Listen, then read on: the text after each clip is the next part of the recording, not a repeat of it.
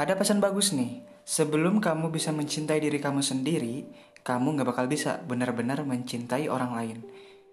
Ingat, ini bukan buat bucin, tapi maknanya dalam banget. Pikir aja sendiri deh.